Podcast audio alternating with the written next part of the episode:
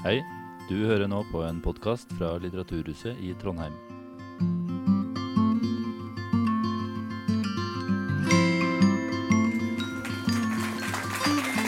Tusen takk. Jeg tenkte jeg skulle starte med å spørre dere hva er, hva er ytringsfrihet egentlig? Hva legger dere i begrepet? Er det noen som kan bare gi noen stikkord? Ja? Å kunne si hva man vil. Å kunne si hva man vil? Flere? Er det noe mer i ytringsfrihetsbegrepet? Ingen? Ja? Ja, ja nei, men du er inne på noe. Um, er det ingen som uh, har noen flere tanker om hva som omfattes av begrepet ytringer, f.eks.? Ja? Ja, frihet til å ytre seg kunstnerisk også. Ja. Tegninger, ikke sant? Absolutt. Absolutt. Ehm, det handler om retten til å ytre seg. Det er det de aller fleste tenker på med en gang. Enten man gjør det med ord, eller med tegninger eller med karikaturer. Men det handler også om retten til å høre. Retten til å høre hva andre sier, uten at noen bestemmer at det får ikke du lov til å høre. Det er også en del av ytringsfriheten. Så det er liksom frihet til å motta eller meddele budskap eller meninger eller ideer. Eh, så her har vi jo det som du eh, snakket om, med litt sånn forstørra eh, illustrasjon. Her har vi en karikatur. Det er ytringsfrihet. Her er et kunstverk. Politisk eh, kunstverk. Det er ytringsfrihet. Og så har vi her en som leser noe som andre har skrevet. Det er også ytringsfrihet. Og ytringsfriheten, den er den mest grunnleggende rettigheten vi har, står i Grunnloven. Uten ytringsfrihet så er det umulig å ha et demokrati. Jeg har akkurat vært i Ukraina. Der går unge menn og kvinner i døden for å forsvare retten til å være et demokrati. For å få lov til å protestere, demonstrere, si hva de vil, lese hva de vil, kjøpe aviser som ikke er styrt av myndighetene. Mens Putin og hans russiske hær bomber landet for å gjøre det om til et diktatur. Ja, alle de verdiene som vi er så vant til her i Norge. Plutselig er det så innmari lett å se hva det egentlig handler om. Hva det egentlig er som står på spill. Dette her er Sasha. Han driver en kaffebar i Kyiv. Overskuddet i denne butikken går direkte til den ukrainske hæren. Så de kan kjempe for hans rett til et samfunn som ligner veldig på det samfunnet vi har. Selv om de har noen utfordringer. Så handler det om frihet mot kontroll. Åpen debatt mot sensur. Det er retten til fritt å søke sannhet og kunnskap, i motsetning til propaganda og løgn. Mediesensuren i Russland er brutal. Og nå, etter at krigen i Ukraina starta i full skala, så har det blitt helt mørkt. Alle frie medier er stengt. Facebook er blokkert. Twitter, som nå heter X, eh, er blokkert. Det er masse ord som det er forbudt å si. Det er begreper som er forbudt, og det finnes ikke lenger noen form for åpen debatt. Jeg har jobba masse med russiske journalister i et nettverk som heter Barentspress. Og han som står her, i hjørnet nederst her, han heter eh, Sergej. Her er han på valgvake til Arbeiderpartiet på Youngstorget i Norge i 2017 under stortingsvalget. Nå har han flykta til USA. Her er Alexander. Han er frilansjournalist. Her er han på besøk i Bodø, fotografert sammen med Hadia Tajik fra Arbeiderpartiet, hun også. Alexander skrev ting som russiske myndigheter ikke likte, og har rømt fra Russland og kan aldri vende tilbake så lenge Putin sitter med makta. Og så har vi Iran. Der er det ikke religionsfrihet. Der er det dødsstraff for å krenke dem som bestemmer hva man skal tro. Det er en ung jente ble slått i hjel fordi hun ikke tok nok hensyn til andres religiøse følelser. Hvorfor starter jeg her? Altså, jeg er jo bedt om å holde et foredrag om ytringsfrihet og ungdommer i Norge og deres forhold til ytringsfriheten. Hvorfor snakke om Ukraina og, og Russland og om Iran? Jo, fordi det vi ser i verden omkring oss, det er at despotene alltid fjerner ytringsfriheten først når de skal sikre sin egen makt. Så jeg tenker at det som skjer i Russland nå, det skal vi studere og tenke over og snakke sammen om. Og vi skal bruke det til å tenke over vår egen demokratiske beredskap. På samme måte som mange har kjøpt inn jodtabletter og litt ekstra havregryn og kanskje en kanne med vann, i hvert fall hvis de har fulgt rådene fra norske myndigheter. Ikke fordi vi virkelig tror at vi skal bli blanda inn i krigen, eller at det skal komme en veldig alvorlig katastrofe, men fordi vi skal ha en beredskap i fall noe skjer. Og den beste måten å sikre demokratiet vårt på, det er å passe på demokratiets grunnmur. Og den grunnmuren, den er ytringsfriheten. Hele tiden passe på grunnmuren, aldri gå med på å ta bort en eneste liten stein. Så kan du si ja, men hva demokratiske verdier angår, så er det veldig langt mellom Norge og Russland. Og det var det lenge før krigen også. Og det er helt sant. Men det er også sant at det blir stadig færre demokratier i verden. Land som har vært demokratiske, har eh, falt fra og de demokratiene vi har, har blitt skjørere. og vi som er samla her i denne salen her nå, vi vet ingenting om framtiden til vårt eget land heller. Så demokrati, ytringsfrihet, det er ingen fast og sikker tilstand.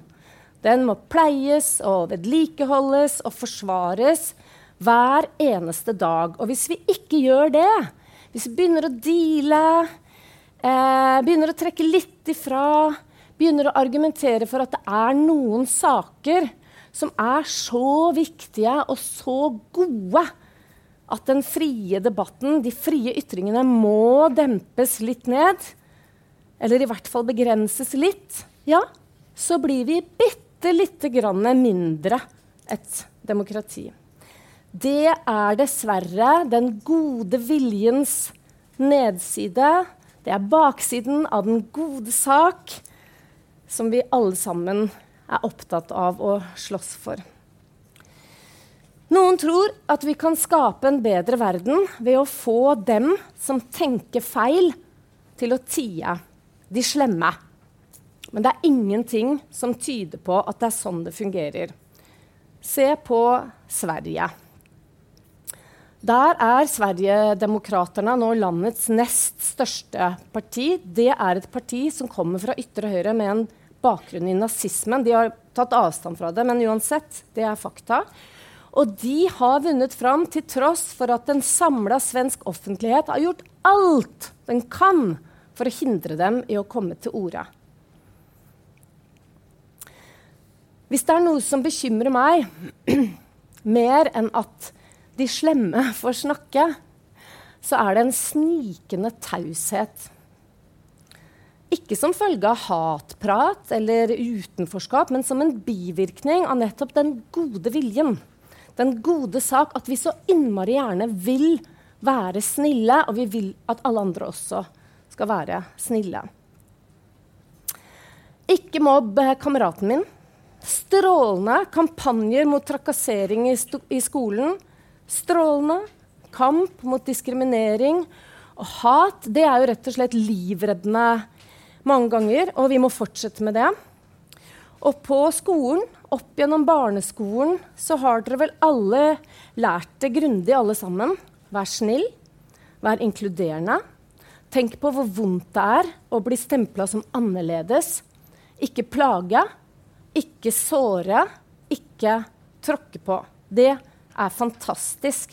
Men så fortsetter det, liksom. Ikke tråkke på tærne. Ikke skape dårlig stemning.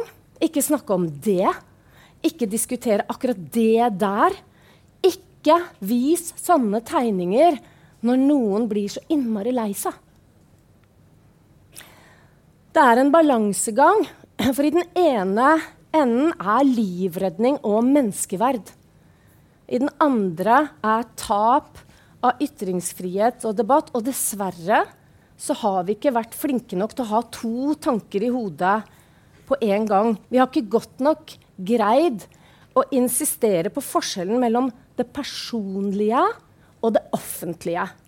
Enkeltmennesket og debatten.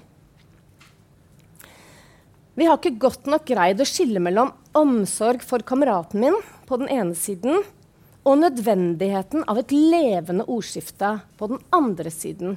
Et kaotisk, disharmonisk, konstruktivt og destruktivt ordskifte.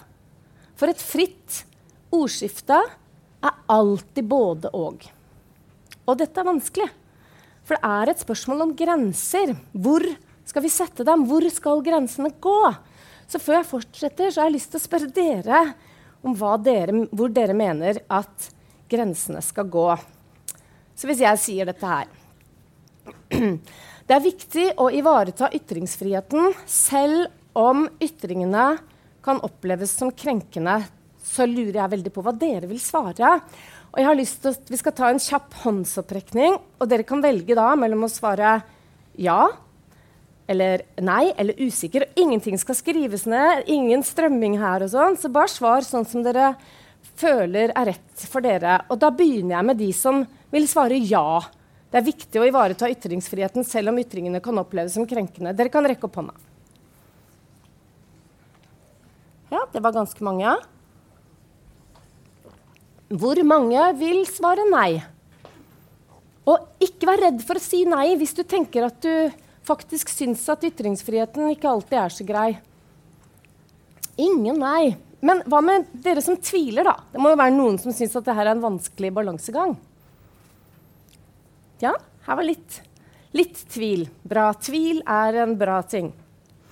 Ok, så her sånn, Denne gjengen her, her er det mange som, som eh, vil si at ytringsfriheten må uh, ha en forrang. Men hvis vi ser på de store tallene, hvis vi ser på statistikken, da, så ville veldig mange mennesker på deres alder svart nei.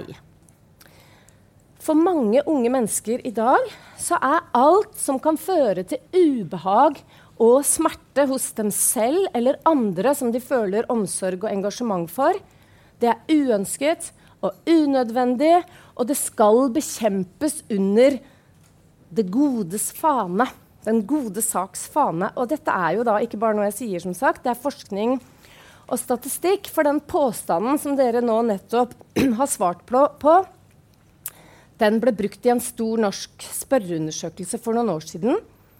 Og der viste det seg at unge mennesker mellom 15 og 29 år var mindre villige til å heie på ytringsfriheten enn folk over 30 år.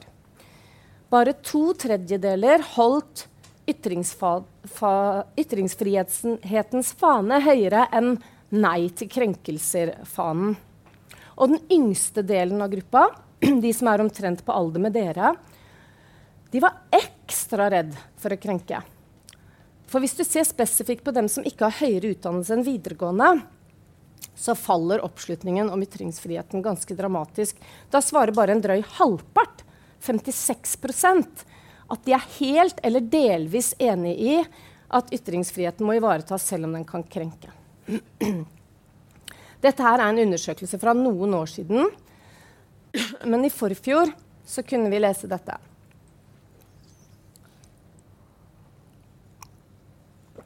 Unge blir mer skeptiske til kontroversielle ytringer. Og Det er en konklusjon fra en annen stor undersøkelse om holdninger til ytringsfrihet. Og Her står det før var ungdommene blant de mest frittalende i Norge. Nå er det forandra. Her er en graf. Her kan dere se at alle har blitt litt mer forsiktige. De mørkeblå tallene er fra 2020 og de lyseblå fra 2015. Men blant de som er under 30, så er det en dobling av de som sier at de ikke på noen arenaer aksepterer ytringer som kan oppleves krenkende. Det er ikke engang sikkert at de er krenkende. Hvis de oppleves som krenkende, så aksepterer de det ikke. Heldigvis er det ikke et flertall, men allikevel. Det har økt. Og hvis man har eh, mange ungdommer i huset, så syns jeg det er lett å merke at de har en sånn sterk ryggmargsrefleks som sier at krenkelser, det skal vi ikke ha noe av. Hvis dere husker eh, Det var en lærer i Paris som ble halshugget fordi han hadde vist karikaturtegninger av profeten Mohammed. Har dere fått med dere det? Mm. Han heter Samuel Paty. Drept, altså. Det var jo rystende, og mange reagerte selvfølgelig veldig veldig sterkt på det. Men i etterkant av dette drapet så skrev en norsk 16-åring et debattinnlegg i en stor norsk avis, i Aftenposten, og tok til orde for at det ikke burde være greit å krenke religiøse følelser, heller ikke i en undervisningssituasjon. Nå må jeg bare hoste. Kanskje du må dempe lyden litt. Sånn. Um, skal vi se nå Det leserinnlegget her sånn, det gjorde sterkt inntrykk på meg.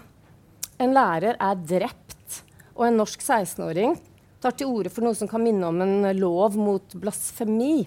Altså en lov mot å såre religiøse følelser. Og da tenkte jeg, jeg lurer på hva kvinnene som brenner hijaben sin i Iran, eh, hadde tenkt hvis de hadde fått lese dette her. Eller de norske ungdommene som i fjor sto fram i en TV-dokumentar hos NRK fortalte om undertrykkelse og vanskelige vilkår ved å være en del av Jehovas vitner.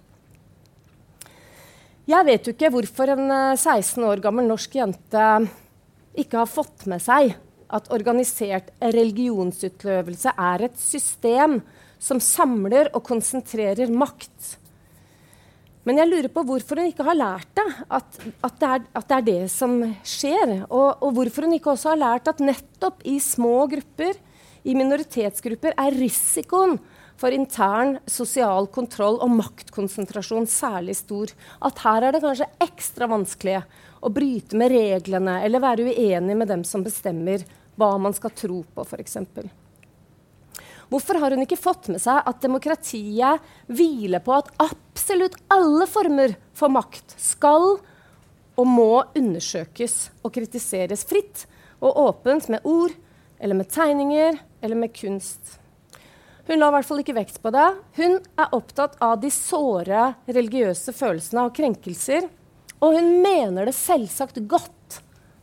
Det handler om omsorgsfølelse, selvfølgelig. Ikke Mobb kameraten min. Og det er ikke noe rart. For å droppe handlinger som sårer andre, det lærer man ved å vokse opp i Norge. I barnehagen, i nabolaget og på skolen. Og la oss jo bare være enige om det, at det er veldig gode eh, verdier å lære. Det er det virkelig. Men så var det denne bivirkningen som jeg er opptatt av. Denne baksiden av medaljen som jeg snakket om i stad. Litt mindre ytringsfrihet, litt mindre religionskritikk, litt mindre demokrati. Dette er en uh, norsk uh, professor. Han ble straffa av universitetet han jobber med, fordi han tulla litt med tyskere i uh, undervisningen sin. Han fortalte noen vitser. En av studentene følte seg Han følte, opplevde vitsene som sårende, varsla til ledelsen. Og det fikk konsekvenser medaljens forside.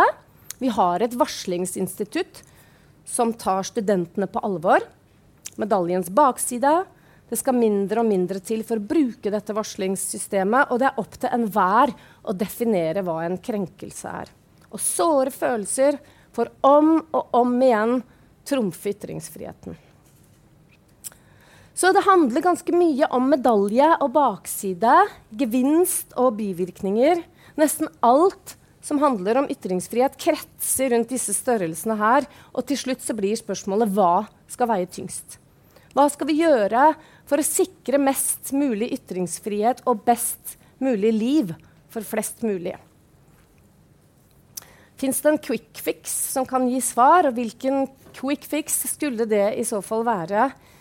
i en tid der vi står overfor en så enorm og ukontrollerbar størrelse som det digitalglobale eh, den digitalglobale virkeligheten byr på. Snapchat, Facebook, Instagram, TikTok, blogger og en jungel av nettforum. Min løsning er ikke en quick fix, men den handler, handler om å holde ut demokratiet. Det vanskelige, bråkete og kaotiske demokratiet. Og noe av det alle dere som engasjerer dere i samfunnet, kan gjøre, det er å øve opp en robusthet hos oss selv og hos andre. Og øve oss opp til å tåle det offentlige ordskiftet. Til å tåle ømme tær. Tåle kaos, disharmoni, krangler og ufinheter. Å tåle folk som er høflige, folk som er uhøflige. Å tåle folk som er dannet, og folk som er udannet. Kloke, dumme mennesker. Det betyr jo ikke at ikke vi skal jobbe med ytringskultur, eller at vi selv alltid skal oppføre oss anstendig når vi deltar i en debatt. Eller at vi skal la være å rope ut hvis vi ser eh, Hvis vi er uenige, eller når vi synes noe er for drøyt. Tvert imot. Det skal vi gjøre. Og vi skal også anmelde ren hets og trusler og alt det vi heldigvis har gode lover som regulerer. Men verden kommer aldri til å bli et ubetinget godt sted. Vi kommer nemlig ikke til å bli enige om hva som er et godt sted, eller hva som er det gode. Så ytringsfrihet er vårt alternativ til vold. Fysisk vold og krig. Tenk på det. Tenk på Russland. Ytringsfrihet er vårt alternativ til vold. Eh, det er en dame som heter Nadine Strossen. Hun er en amerikansk borgerfrihetsaktivist, og hun sier det sånn her. Mest mulig ytringsfrihet er det minst skadelige alternativet. Og det er min mening også. Mest mulig ytringsfrihet er det minst skadelige alternativet. Og i denne formuleringen så ligger det også en erkjennelse av at også ytringsfriheten kan skade. Men oppsummert så er ytringsfriheten først og fremst vårt felles vern. Ytringsfriheten er de undertryktes mulighet til å si fra om urett og også bli hørt. Den er avgjørende for at vi skal kunne søke kunnskap og sannhet og danne oss opp vår egen mening om hva som er det gode, og hva som er det onde, og hva vi vil kjempe for for å gjøre Norge til et enda bedre samfunn. Så hva skal vi gjøre, da? Hva skal dere gjøre? Dere som er den neste generasjonen med journalister og politikere og lærere og snekkere og byråkrater og hva dere måtte finne på å bli. Hva skal dere gjøre for å holde ut demokratiet? For å bli robuste borgere? Hva skal dere gjøre når det tegnes karikaturer, og når det raser på nettet, og når minoriteter og majoriteter ikke er enige om virkelighetsbeskrivelsen. Når det er vanskelig å se forskjell på en interessekonflikt og en viktig rettighetskamp. Jeg syns at dere skal jobbe for the rise of public man. The rise of public man. Og det eh, sier jeg for det er inspirert av en forfatter som heter Richard Sennett. Han skrev denne boka her i 1977. Og han mener at journalistikken og debattene og leserinnleggene og diskusjonene i avisene, ja, hele det offentlige ordskiftet, lider under det han kaller for et intimitetstyranni. Og hva betyr det? Jo, det betyr at når vi skriver leserinnlegg eh, for eksempel, til avisene så, og debatter som vi engasjerer oss i, så byr vi så inderlig mye på oss selv. På våre personlige erfaringer og på våre personlige følelser. Vi stiller opp i debattene som ekte, følsomme, sårbare mennesker, og vi forteller om oss selv. Sennet sier at det er en psykologisert offentlighet. Og det er bare å bla opp en hvilken som helst dagsavis for å finne eksempler på den enorme mengden med mennesker som står fram med seg og sitt, som forteller om sitt private liv og sine private erfaringer eh, når de skal delta i en stor samfunnsdiskusjon. Her er eh, noen eksempler.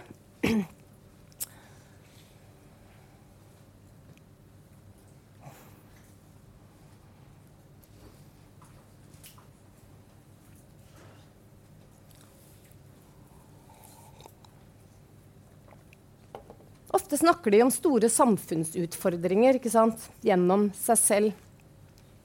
Og Samtidig kommer de kanskje med forslag eller tanker om politiske løsninger basert på dette veldig private og personlige initiativet inn i samtalen. Hva er problemet? Hva er problemet med dette private i offentligheten? Jo, det er svært vanskelig å diskutere politikk og krangle om ulike politiske løsninger med et sånt ekte, sårbart, følsomt menneske uten å føle seg ond. Og om du ikke føler deg ond selv, så kan du være sikker på at noen kommer til å fortelle deg at du er ond, hvis du liksom opponerer mot denne fortellingen. Og nettopp derfor er det mange som heller velger å være stille. Og veldig mange på deres alder velger å være stille. Dette er en undersøkelse fra Ungdata 52% av unge mennesker mellom 15 og 20 år i Norge lar være å si hva de mener for å unngå å krenke og for å ikke bli oppfatta som politisk ukorrekte. Denne undersøkelsen her ble gjort på nytt igjen jeg tror det var i fjor, eller var det i år? Samme resultat. Veldig høy andel av unge mennesker i Norge er veldig forsiktige med å delta i offentlige samtaler om litt vanskelige tema fordi de er redd for å bli stempla som onde.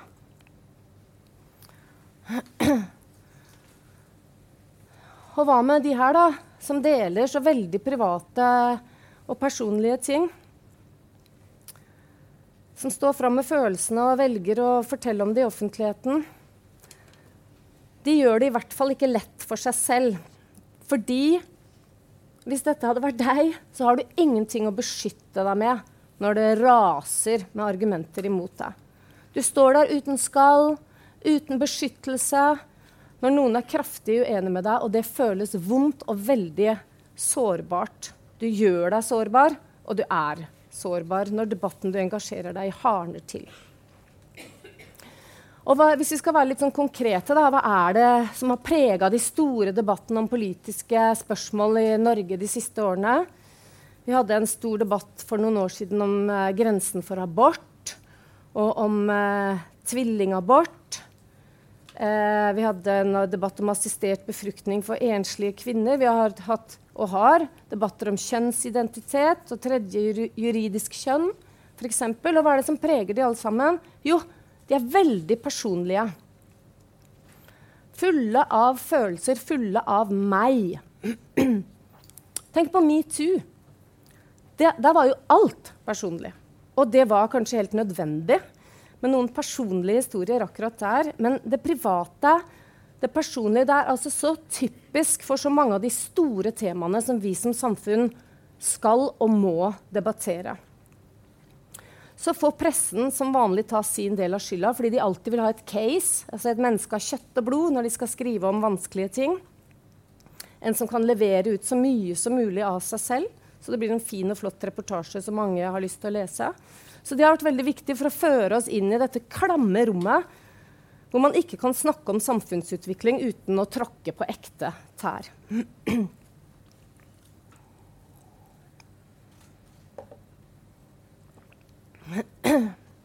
Skal vi se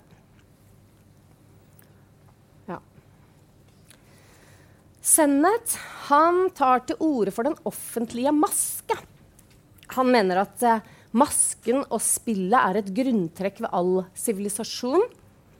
Han sier å være sivilisert betyr å behandle andre som om de var fremmede, sier Sennett. Å være sivilisert betyr å behandle andre som om de var fremmede. Så han anbefaler altså det stikk motsatte av å være privat og personlig.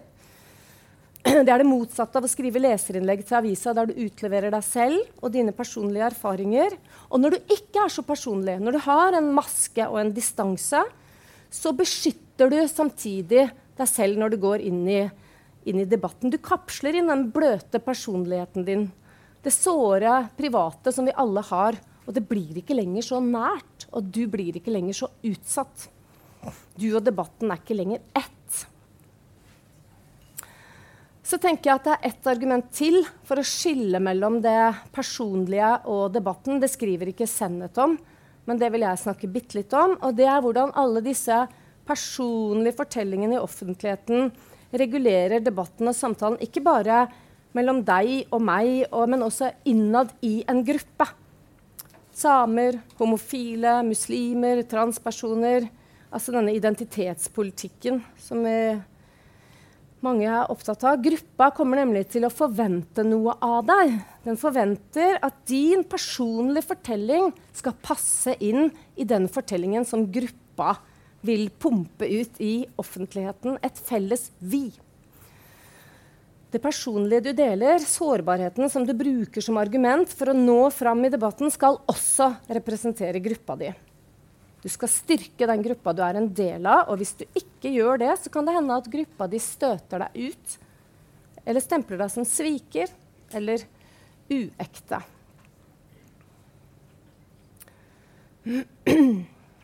Det begrenser gruppemedlemmenes mulighet til å være et individ. Til å være noe helt annet og til å tenke og mene noe helt annet. For selv om du er same, så kan du være veldig uenig med en annen same når dere skal diskutere reindrift eller Fosen-saken eller hva som helst som handler om politikk. Så the fall of public man rammer altså både den som ytrer seg, og den som vil ytre imot. Det rammer folk som står mot hverandre, og det rammer den som ikke er helt enig med gruppa si. For når alt er personlig, så er ingen samtaler frie lenger.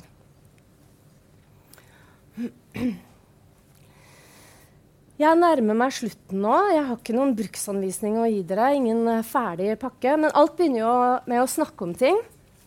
Noen vil argumentere for at det viktigste dere kan gjøre, det er å lære dere høflig debatteknikk og være kildekritiske på nett. Det er fint, det er viktig, jeg er enig i det. Men jeg vil like sterkt argumentere for at dere begynner et arbeid for å ta tilbake skillet mellom det private og det offentlige Skille mellom debatten og jeget. Skille mellom argumentene og følelsene. Bli mer saklige. Ikke del følelsene dine i avisa. Ikke forvent at samfunnet skal trøste deg. Forvent at vennene dine skal trøste deg. Så jeg slår altså et slag for mindre emosjoner. Jeg slår et slag for den offentlige maska og det offentlige spillet. Og et jeg slår et slag for the rise of public man og the rise of public woman. Og Det var det jeg hadde tenkt å si. Og nå er jeg veldig nysgjerrig på hva dere tenker og mener om dette store fenomenet ytringsfrihet. Kanskje er dere også veldig uenige med meg, og det er i så fall veldig gøy.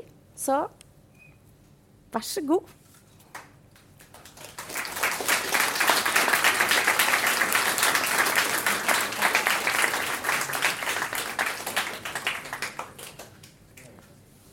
Hvis det er noen som har noen spørsmål eller kommentarer, eh, så har jeg kjempelyst til å høre.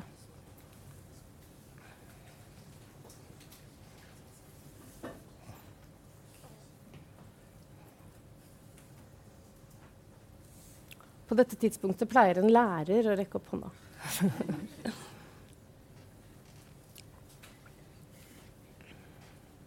er det ingen som har noen tanke? Ja, vær så god. Eh, kanskje er det, en mikrofon, eller?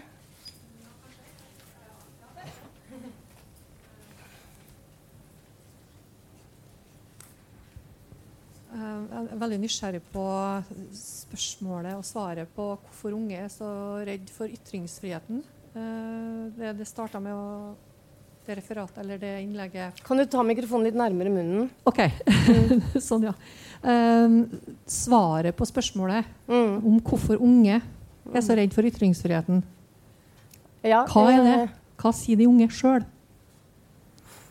Ja, Den store undersøkelsen som jeg viste til, som er gjort to ganger, viser jo at de er redde for å krenke. ikke sant? De er redde for at det de sier, skal bli oppfatta som uh, sårende overfor andre, eller at det ikke skal passe inn i vår forestilling om hva som er det gode og hva som er det onde. Altså, De er redd for å være politisk ukorrekte. da.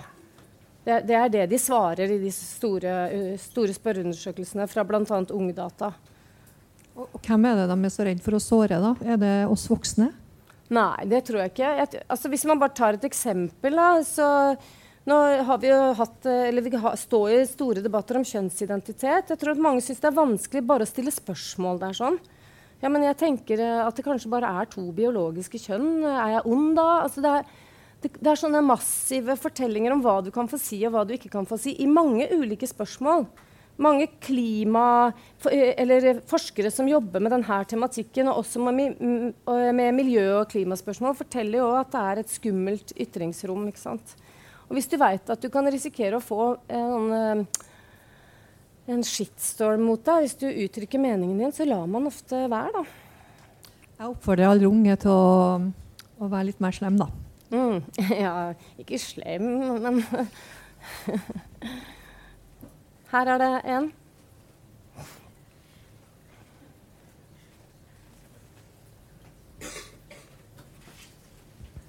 Eh, ja.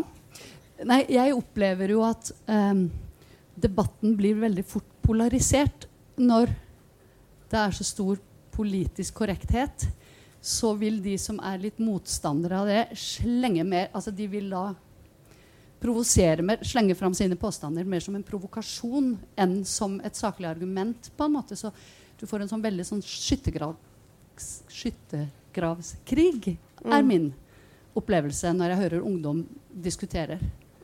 Altså at de opplever at det er sånn debatten foregår? Ja, at det blir en slags um, Sånn som det herre gutte, Høyre, Frp-valgraset.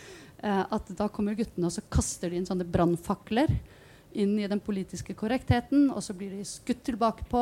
og så blir, de, så blir det, det, blir, Man får ikke engang noen debatt fordi at det er så steile fronter. Og mm. begge sider føler seg veldig krenka. Mm. Mm. Ja. ja. det, det kan hende. Det var bare en kommentar. hva, hva, hva, tror dere? Hvorfor er unge så redde for å uttrykke seg? Hva tror dere er forklaringen?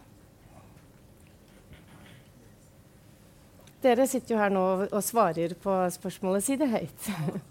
Hva, hva tror dere er grunnen?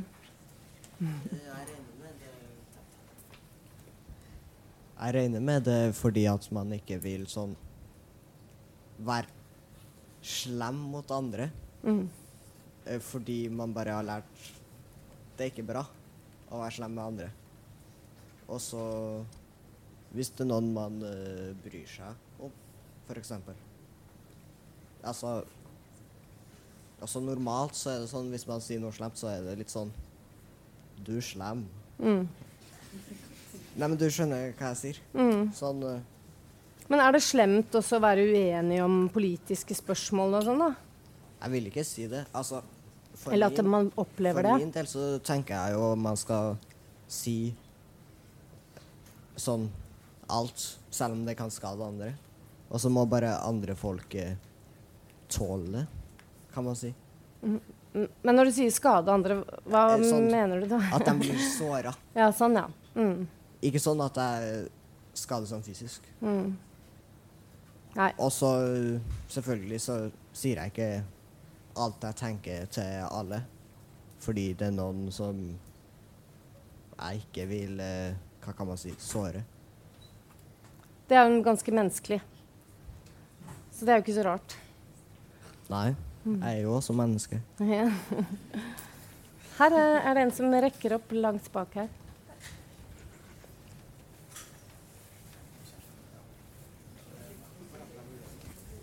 Hei, yes.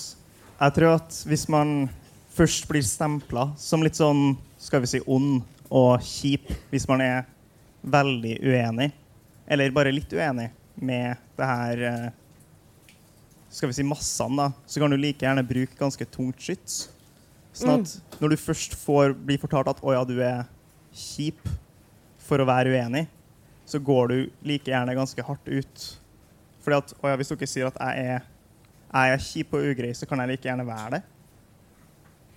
Det er jo kjempeinteressant, det du sier der. Så istedenfor å da delta på et litt sånn moderat nivå, så bare går man til 4chan, liksom. mm. Det tror jeg du kan ha rett i.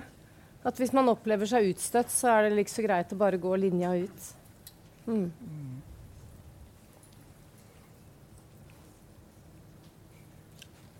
Flere?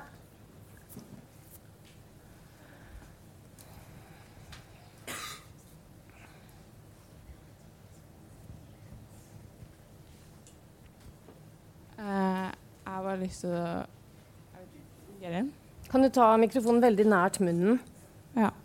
Uh, jeg har lyst til altså, Jeg lurer på hvilke politiske meninger du mener det ikke er stemt å være uenig mm, liksom, med, da.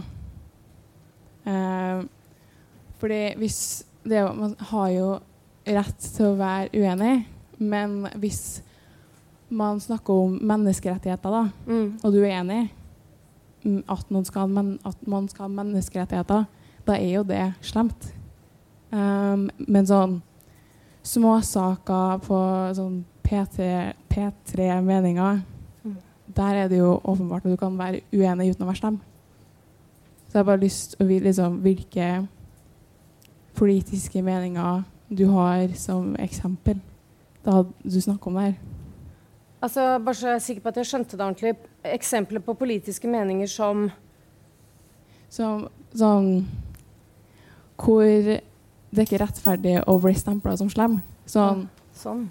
Um, Det Jeg klarer ikke helt å forklare det bra, men la oss si, da så, Transpersoner. Å være uenig i at de skal ha rettigheter, som menneskerettigheter, det er slemt, vil jeg si. Men diskusjonene om de skal være med i sånn eh, sportsarrangement Å være uenig i det, betyr ikke at du er slem. Mm. Du er uenig. Så jeg, jeg bare lurer på hvilke type meninger sånn sett du har som eksempler. Jeg syns at du peker på det veldig godt selv. At hvis du dehumaniserer andre, hvis du sier at du burde vært eh, Har ikke rett til å leve, burde ikke eksistere, så er det noe man skal slåss Vi som samfunn er forplikta til å slåss imot. Og det er også straffelover. Vi har lover i Norge som beskytter mot eh, eh, ytringer som er rasistiske, f.eks., eller som krenker menneskerettighetene til en, en del grupper. da den såkalte hatparagrafen. Men hvis det å diskutere sant, Nå snakket du om eh, idrett, eh, ikke sant? idrettsarrangement. Hvis man har, mener at det å i det hele tatt diskutere det, det er også en hatefull ytring, da har det jo gått for langt. Ikke sant? Det må man få lov å diskutere. fordi det, det det egentlig handler om der, det er en interessekonflikt. For hvis, eh, hvis eh, der, der vil jo eh, kvinnen, altså mennesker som identifiserer seg med sitt biologiske kjønn og er kvinner, oppleve at de vil få en nedside sånn konkurransemessig. Og da må man få lov å diskutere det, ikke sant. Men eh, eh, sånne dehumaniserende ytringer, der, der er det lover som begrenser. Og jeg, har, jeg er ingen tilhenger av å fjerne de lovene der. Hvis det var et svar? Uh, jeg, synes, jeg tror ikke du skjønte spørsmålet, men det går greit. Kan du prøve en gang til? um, Eller kanskje noen andre kan svare? Uh, det Det finnes jo så klart lover, men det blir jo alltid tatt opp da noen har blitt straffa for, for å ha vært uh, hatefull. Om liksom Var det egentlig rettferdig? Var de hatefulle, eller var de bare aktive i sin ytringsfrihet? Det har Ja. jeg skjedd ofte i aviser. Og jeg bare syns at hele diskusjonen her i dag, da, det var veldig generelt. Fordi som sånn jeg forsto det, da um, Det var liksom Det var veldig generelt. Jeg klarer ikke å forklare det så veldig bra, da. Men um, og det med de der meg-sakene, da. Hm? De, de sakene hvor man tar opp personlige ting, de har virka veldig generelle. Um, jeg mista egentlig litt uh, ordet mitt. Sorry. Mm. Det er litt rart også her. Men ehm, ja, det, det er vanskelig å forklare. Sorry. Ja, jeg veit liksom ikke helt hva jeg skal svare, men um, uh, Du ønska mer konkrete eksempler, er det det du sier? Ja. Ja. Um, jeg jeg veit ikke om jeg greier å respondere på det sånn umiddelbart. Ja. Kan det være Skal vi se, bare tar jeg ordet, jeg. Kan det være Tenker du sånn, tenker du sånn at eh, La oss si at man kan være kritisk til eh, jeg vet ikke. Jeg står fast, jeg òg. La oss si at du kan være kritisk til eh, Nei. Nå blir jeg også litt generell, men at du på en eller annen vis kan være kritisk til utøvelse av strenge islamske lover, f.eks. Eller strenge sånne fatwaer, eller et eller annet sånt. Eh, men eh, på et sånn saklig plan. Men du har ikke lov til å altså, De som brenner Koranen, da, f.eks., de er kanskje ikke egentlig religionskritiske. De er ute etter å krenke. Er det noe sånn du tenker? At det er en sånn forskjell mellom det å være kanskje kritisk til å sette seg inn i hva innebærer dette og dette og dette. Mm. Eh, hvorfor er jeg kritisk til det her? Mm. Istedenfor å bare brenne en koran for å skape en reaksjon som sier 'yes, jeg har rett'. Se her. Mm. Ja, men det tror jeg du absolutt har helt rett i. Er det sånn du mener? Nei. Men jeg kan godt svare på det uansett. Eh, selvfølgelig så er det jo eh, De interessante diskusjonene ligger jo i det første eksempelet ditt. ikke sant? Eh, men det er bare det at eh, hvem skal bestemme hvilke ytringer som er saklige, og hvilke som ikke er det? Er det du? Er det jeg? Altså, vi må ha en Hæ? Ja, så Vi må ha full ytringsfrihet. Og så må vi ha noen få ting som det ikke er lov til å gjøre eller å si. Du har ikke lov til å oppfordre til eh, massedrap på en del av befolkningen eh, pga. etnisitet eller religion f.eks. Det er straffbart. Da kommer de i fengsel. Fint. Flott. Men, men eh, ytringsfriheten skal være så vid som mulig. Og det var det jeg sa, at du må tåle at Sian brenner disse koranene sine, selv om det er avskyelig og smertefullt og behagelig. Fordi at hvis vi sier det er ikke lov å brenne en hellig skrift, da har vi jo plutselig innført blas- blasfemiparagrafen igjen. Og det må gjelde alle. Det må også gjelde eh, muslimske kvinner fra Iran som pisker Koranen for å opponere mot undertrykkelse og sosial kontroll. Da må heller ikke de få lov til det. ikke sant? Så det er veldig trøblete da, å skille det gode fra det onde. Og det, som, eh, det vi opplever som riktig og godt eh, i dag, kan se annerledes ut om 20 år. Ja, Eh, bare en liten oppfølger til det som ble sagt i stad. Kan du ha mikrofonen litt nærmere? Eller Ja. kan dere gjøre noe med lyden der nede? Det er veldig lavt. Ja. Eh, det skal jo selvfølgelig være lov til å ytre seg om både transpersoner og det du nevnte med Koranen.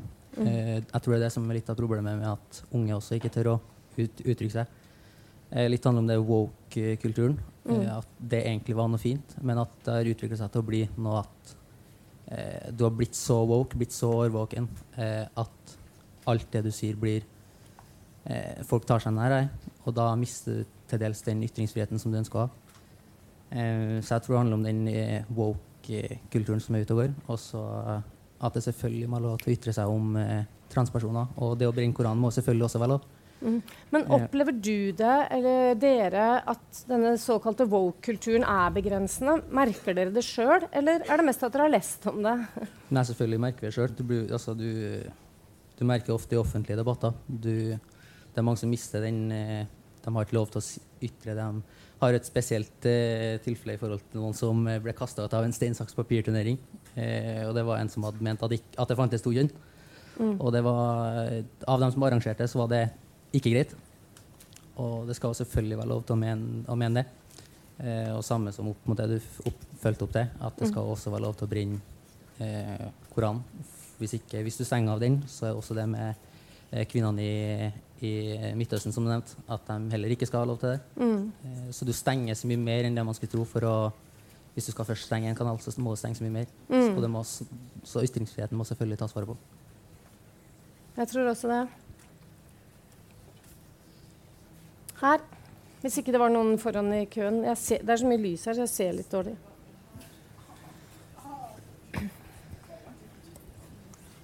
Uh, ja, hei. vi er jo mange unger, skoleelever, og da er vi også noen lærere. Uh, og eh, det er jo en del av samfunnsoppdraget til oss uh, lærere å gjøre ungdommen også robust. Altså det her med demokrati og medborgerskap er jo styrka. Eh, og samtidig så erfarer vi nok mange også av oss lærere en berøringsangst. Eh, skal vi lese Harry Potter i klasserommet? Eh, skal vi presentere et dikt av Nordahl Grieg eh, der N-ordet inngår? Kan jeg som lærer innenfor en kontekst fortelle en blasfemisk vits, hvilket jeg en gang gjorde òg? Og, og det ble helt, helt, helt stille i klasserommet.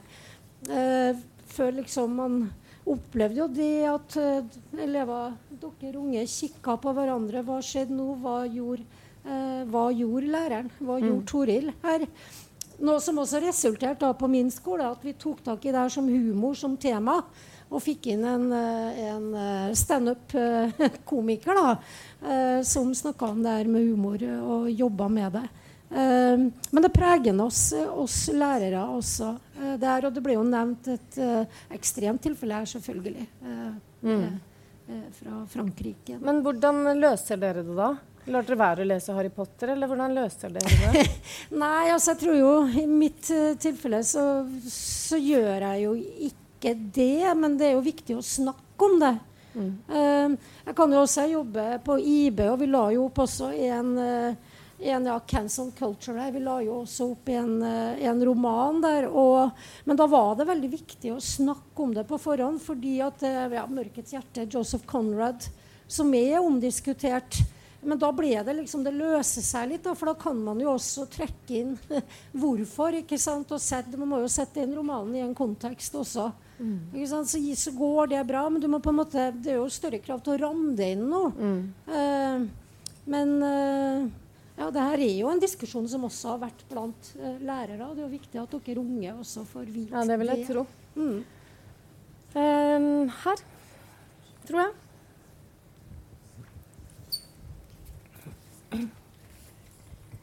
Ja, at uh, du sa nok det med at uh, Russland var diktatur nå.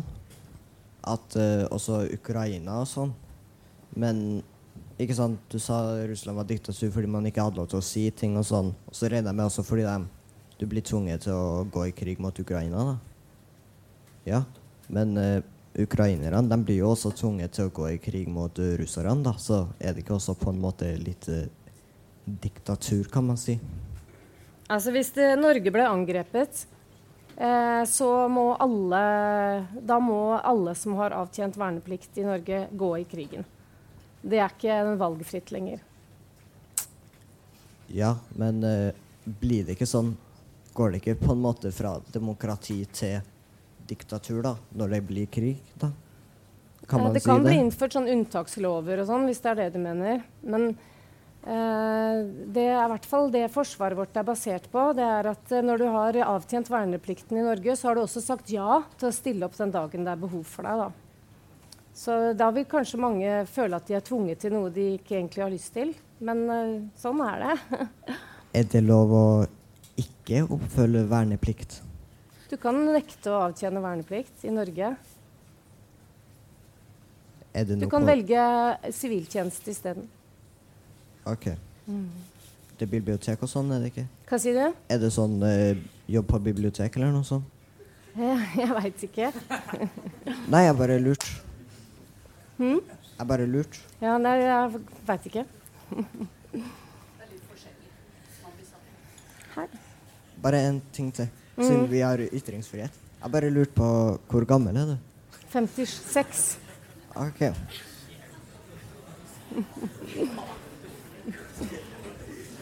Ja, hei. Um, den uh, gruppen som jeg har med i dag, uh, er med her fordi vi har holdt på med temaet i samfunnskunnskap. Også 10. klasse, som eh, også, holder 9. 10., som leser eh, 1984. Mm. Uh, som er veldig aktuelt her. Og jeg syns det var litt interessant å lese nylig at uh, universitetet i Cambridge, litteraturstudentene der, uh, har fått med en liten advarsel når de skal studere Orwells 1984. eh, fordi det er en del tema der som kan oppleves krenkende. Eh, og jeg har jo vært bekymra for uh, ytringsfriheten og det her um, selvsensuren og etter hvert også sensuren som er uformell. Ofte så starter det jo sånn, og så går man kanskje til mer formelle uh, endringer etter hvert. Så det syns jeg er litt skummelt. Og jeg tenker på, har vi nå nådd På en måte har pendelen gått så langt som den kan gå. Nå kanskje begynner vi å se at man begynner å ta tilbake og kjempe for ytringsfriheten igjen. Og få litt uh, uh, tykkere hud når vi Mm. er ute i den offentlige debatten. Eller, eller er det sånn at uh, at vi ser at dette her er på en måte på feil vei. For jeg er jo språklærer og naturligvis veldig imot at man eh, flytter på et komma til åndsverket til en forfatter. Eh, men jeg ser jo at det blir gjort i beste mening, som du sier. Eh, så jeg lurte på om du hadde en kommentar på om du ser litt framover. Veldig generelt, det her, da. Mm. Om jeg tror liksom pila peker i lys eller mørk retning hvis man er opptatt av mest mulig ytringsfrihet. Altså jeg eh, tror eh, at eh, sånn overdreven woke har fått et skudd for baugen. Og uansett hva man måtte mene om politikken til Høyre og Fremskrittspartiet, så er det at så mange unge valgte disse partiene under skolevalget har, Det er sikkert mange grunner, men jeg tror at en av grunnene er nettopp den her opplevelsen av et utrolig vanskelig og klamt og trangt rom da, for å snakke om ting. Eh, og det signalet har jo nå eh, moderpartiene og offentligheten fanga opp. Og man ser også en sånn eh, bevegelse der som går på å ta avstand fra den mest sånn aktivistiske delen av woke. Da? At det er masse ting som det ikke skal være lov å snakke om, og nå er det nok. og Raymond Johansen i Arbeiderpartiet går ut og sier nei, nå må det bli slutt på dette her. Så det er i hvert fall en tegn på en økt bevissthet som kan peke i positiv retning hvis man deler mitt perspektiv. Eh, og så har det eh, eh, kommet opp masse motstemmer som også får litt større plass. Men jeg tror samtidig at vi har skapt oss et, eh, et lovverk som kan virke repressivt, altså mm, dempende. F.eks. Eh, lover i skolen ikke sant? om at du, du skal, altså elevene skal få definere selv hva som er krenkende og sårende. og Det eh, virker fort inn på hva som kan sies i et klasserom også. Da. Så eh, det, er, det er et veldig kaotisk bilde.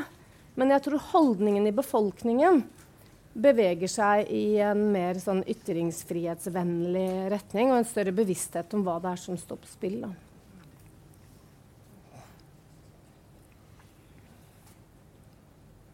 Det er den her. Hun. Ok, Hvis jeg bare får fortsette med det han sa, han for meg. Liksom, hvis vi tar Ukraina som et eksempel nå, da. Vi har 17 år gamle gutter som blir tvunget til å gå ut og kjempe for landet. Blir ikke det litt diktatur? Nei, det er 17. Det er 17, Leo. Blir ikke det litt diktatur? Altså at de må gå i krigen for å forsvare landet? De har ikke valgt det selv, og de er 17 år gamle, og de blir tvunget. Men jeg kan si deg at eh, som jeg nettopp forklarte nå, så er det jo noen eh, regler som regulerer det norske forsvaret, hvis vi tar det til Norge, og det gjelder Ukraina. Men motivasjonen for å gå i denne krigen her i Ukraina er skyhøy. Her verver folk seg som er arkitekter og bakere og snekkere og drar til fronten og risikerer livet sitt for å slåss mot den krigen. En veldig, veldig stor andel av den ukrainske befolkningen vil slåss for å hindre Russland i å overta. Ja, det er riktig. Men jeg for har lest en artikkel, og så greia er at det er mange som ikke vil det òg. Vi har en mor som frykter at sin sønn skal gå ut i krig når han er 17 år gammel. For han fyller 17 år det året, og hun må si ha det. Kanskje han kommer til å dø. Så har vi jo sønnen som ikke vil dra og dø, for han er jo bare 17 år. Og han har jo ikke noe valg. Og hvorfor er det sånn at, så fall da, at ikke kvinnene blir tvunget, da, og bare guttene. Hvordan er det er litt vanskelig liksom for meg å liksom forsvare hvordan ukrainerne bestemmer og regulerer samfunnet sitt. fordi at jeg har- har jo ingen Jeg har jo aldri levd der. Jeg har der, vært på reise der en uke. Så det blir liksom litt vanskelig for meg å stå som en slags sånn ekspert på det der, da. Mm. At uh, det er oppfølging til i stad med det med militær. Jeg bare lurte på at om det er en grunn som jeg ikke vet om, til at Norge ikke har eh, profesjonelt militær. Fordi Ja. Men jeg, altså, jeg er ikke noen forsvarsekspert, så jeg jeg- kan jeg ikke bare- svare på jeg bare lurer lurte på om du vet. Nei. Vi har jo et profesjonelt um, forsvar også. Så, Ja, jeg vet mm. ytringsfrihet er temaet, men det Mm. var bare for å Jeg bare, det, er bare tenkt. Jeg skjønner. Nei, jeg tror du må spørre noen andre. OK. Mm.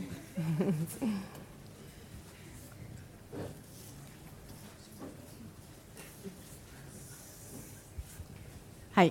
Jeg tror jeg bare har en liten kommentar til guttene foran her. Demokrati består av noen rettigheter, men også noen plikter. Eh, så det er ikke sånn fritt fram, og det blir ikke diktatur fordi om det er plikter knytta til et demokrati. Og det her er også politiske prosesser som gjør at vi bestemmer hvordan vi skal organisere f.eks. For forsvaret vårt. Veldig fint. Takk.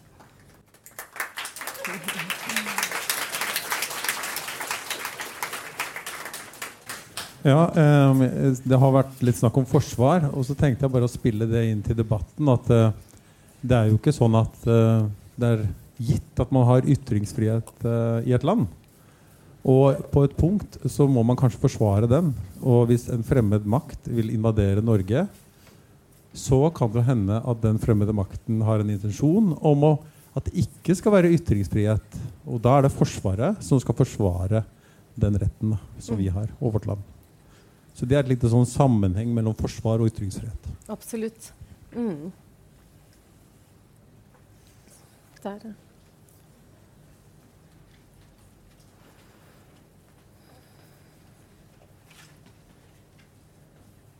Takk. Jeg er ikke noen sin lærer, men jeg er lærer på universitetet. Så hvis dere starter der når dere er over 20 år, så treffer dere kanskje meg. Jeg har lyst til å snakke om noe annet enn forsvar. Jeg synes det du snakka om, om det å ta til, være så personlig, at vi tar ting personlig, det har jeg lyst til å høre at dere snakker om. Eh, fordi jeg tenker jo også at det er en del av problemet vi har, at vi er så utrolig privat og personlig at det ikke går an å snakke imot uten å bli slem. Og da kan jo vi som er 50 år, tenke at eh, de her eh, influenserne som eh, blir rike av å fortelle om sitt private liv, eh, de preg, har prega dere mye mer eh, på akkurat det der enn vi tror. Så hvis du byr på deg sjøl og din personlige, private eh, historie, så kan du rett og slett bli rik. Eh, så, og for oss som da er 50 altså Jeg er sjefen til mange og er leder for 590 studenter. Hvis jeg hadde bydd på meg sjøl på jobb, så hadde jeg blitt sykemeldt etter to uker. ikke sant? Jeg, jeg har på meg den Jeg skulle ønske at jeg var så fin. Sånn den maska der, det er jeg ikke. Men, men dere har den liksom ikke. Kan dere snakke om det? Har de her uh, influenserne og bloggerne påvirka det at dere tror at å selge, selge privatlivet sitt i eh, offentligheten er normalt og smart? Det har jeg lyst til å høre dere kloke unge mennesker si noe om. Tusen takk.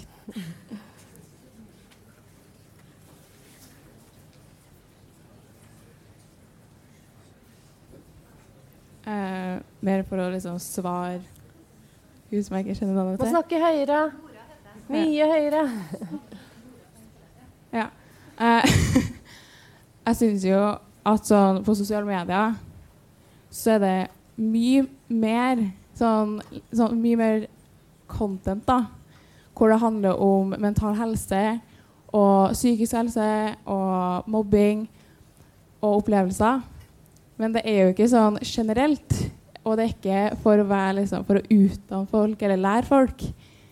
Det er om personlige erfaringer. Og da, på TikTok da, så var det hele tida videoer om så fra, så, fra folk som var mellom 13 til 16 år, hvor de hadde snakka om at de hadde tatt livet sitt Mm. flere ganger. Um, de har blitt voldtatt Uh, eller har noen andre helseproblemer. Og det er jo viktig å ta opp sakene, men de tenker ikke på det i lengden. fordi da man skal søke jobb, da, så tror jeg ikke det, det er så fint å få opp at du har prøvd å ta livet ditt fem ganger. Da du skal vet ikke, jobbe på barnehage eller være psykolog. Mm. Um, så ja, det har definitivt påvirka unge. Det har gjort at vi ser på sosiale medier som en um, dagbok. Og jeg tror ikke vi innser hvor stort og hvor mye det kan påvirke oss i Mm. framtida. Ja, det tror jeg du har veldig rett i. Det var et veld, en veldig godt innlegg. Jeg tror du peker på helt presise problemer.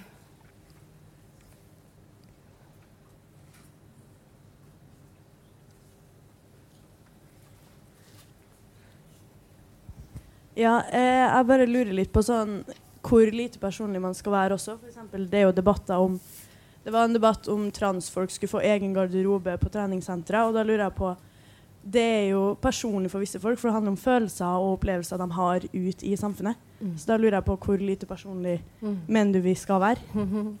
Veldig godt spørsmål. Jeg venta egentlig litt på det spørsmålet der. Jeg mener ikke at vi skal ha en offentlighet hvor vi aldri kommer i kontakt med ekte menneskers erfaringer. Det er ikke mitt poeng. Men det er på en måte nivået, da. Hvis alle som bidrar i disse samtalene, eh, legger på sine personlige erfaringer, så blir det veldig umulig å diskutere etter ganske kort tid. Fordi det så fort kan oppleves så sårende og sårbart for dem som engasjerer seg. Så kanskje man kan, hvis det starter med én, og så eh, kan man ta det opp på prinsipielle nivåer etterpå, og eh, forsøke å ikke, ikke hindre diskusjonen i å løpe ved å henvise til at nå blir eh, Inger eller eh, Hans, som skrev i stad, sannsynligvis kjempelei seg når du uttrykker sånne meninger som du har. Så kanskje det, Men i det hele tatt bare få dempa det ned. Det er eh, helt massivt. Og jeg har kritisert Aftenposten, som jeg selv skriver for, i å stimulere debattarenaen for unge mennesker eh, på en sånn å eh, nærme, altså Jeg vet ikke om de oppfordrer til det, men de, de publiserer så mange innlegg som er personlig fundert, at jeg regner med at en, en ung leser vil tro at det er dette som er oppskriften. Så jeg syns at de som jobber med, særlig med unge folks deltakelse i offentligheten, skal være veldig bevisst på det. Kanskje eh, ha noen innledende eh, samtaler, eller kanskje noen kurs for nye skribenter. At vi vil helst at du skal liksom løfte blikket. Prøv å lage en samtale som alle kan delta i, uten at de eh, er redd for å såre deg. Skjønner du? Mm.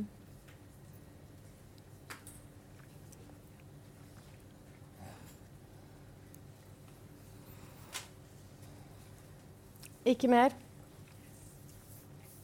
En til her. Du må skrive, du. Du er så engasjert. At eh, Jeg tenker det er definitivt ikke smart å være personlig sånn på nett sånn veldig, men jeg tenker at hvis man ikke er det i det hele tatt, så kan det være sånn veldig sånn overflatisk tema. Det, på en måte Det blir sånn litt vanskeligere å være kan man si, engasjert. Mm. Men hvis man på en måte er litt mer personlig, så har du noe personlig Hva kan man si grunn. Mm. Grunnlag på din mening. Mm. Og ikke bare noe du har tatt ut fra det blå. Det er sant. Ja, du har helt rett i det. Eh, Så det er en sånn balansegang. Samtidig så er det sånn at det, det personlige det er veldig tiltrekkende for oss som mennesker. Det er derfor vi liker spillefilmer og leser romaner og sånn. Og hvis pressen begynner å operere for mye i det sporet der, så kan man appellere så mye til følelser at eh, det kan bli urettferdig. Eh, nå har jeg akkurat snakket med en eh, sykepleier. Før, rett før jeg kom inn eh, til å holde dette foredraget, snakka jeg med en sykepleier som jobber på barneavdelingen på St. Olav, som sa at de ser at det er sånne store innsamlingsaksjoner og store kampanjer for å skaffe penger til barn med kreft. De har så mye penger Altså disse, eh, nå siterer jeg bare, så jeg har ikke dobbeltsjekka det. Men de har veldig god økonomi og kan tilby mye støtte til familier som har barn med kreft. Men de inne på hennes avdeling har de jo masse sjuke unger som ikke får den oppmerksomheten fra offentligheten. Og som blir liksom, Der er det ingen søsken som blir invitert på turer, eller foreldre som kan få dra på kurs for å lære. Så hvis man liksom pumper opp engasjement i befolkningen basert på de sterkeste personlige historiene, så kan det også få liksom veldig urettferdige utslag. Da. Så det er også liksom en ting man skal tenke over. i hvert fall. Yes. Nei, men eh, Veldig bra. Det var fint at dere tok ordet. Det var interessant å høre på. Takk for dere.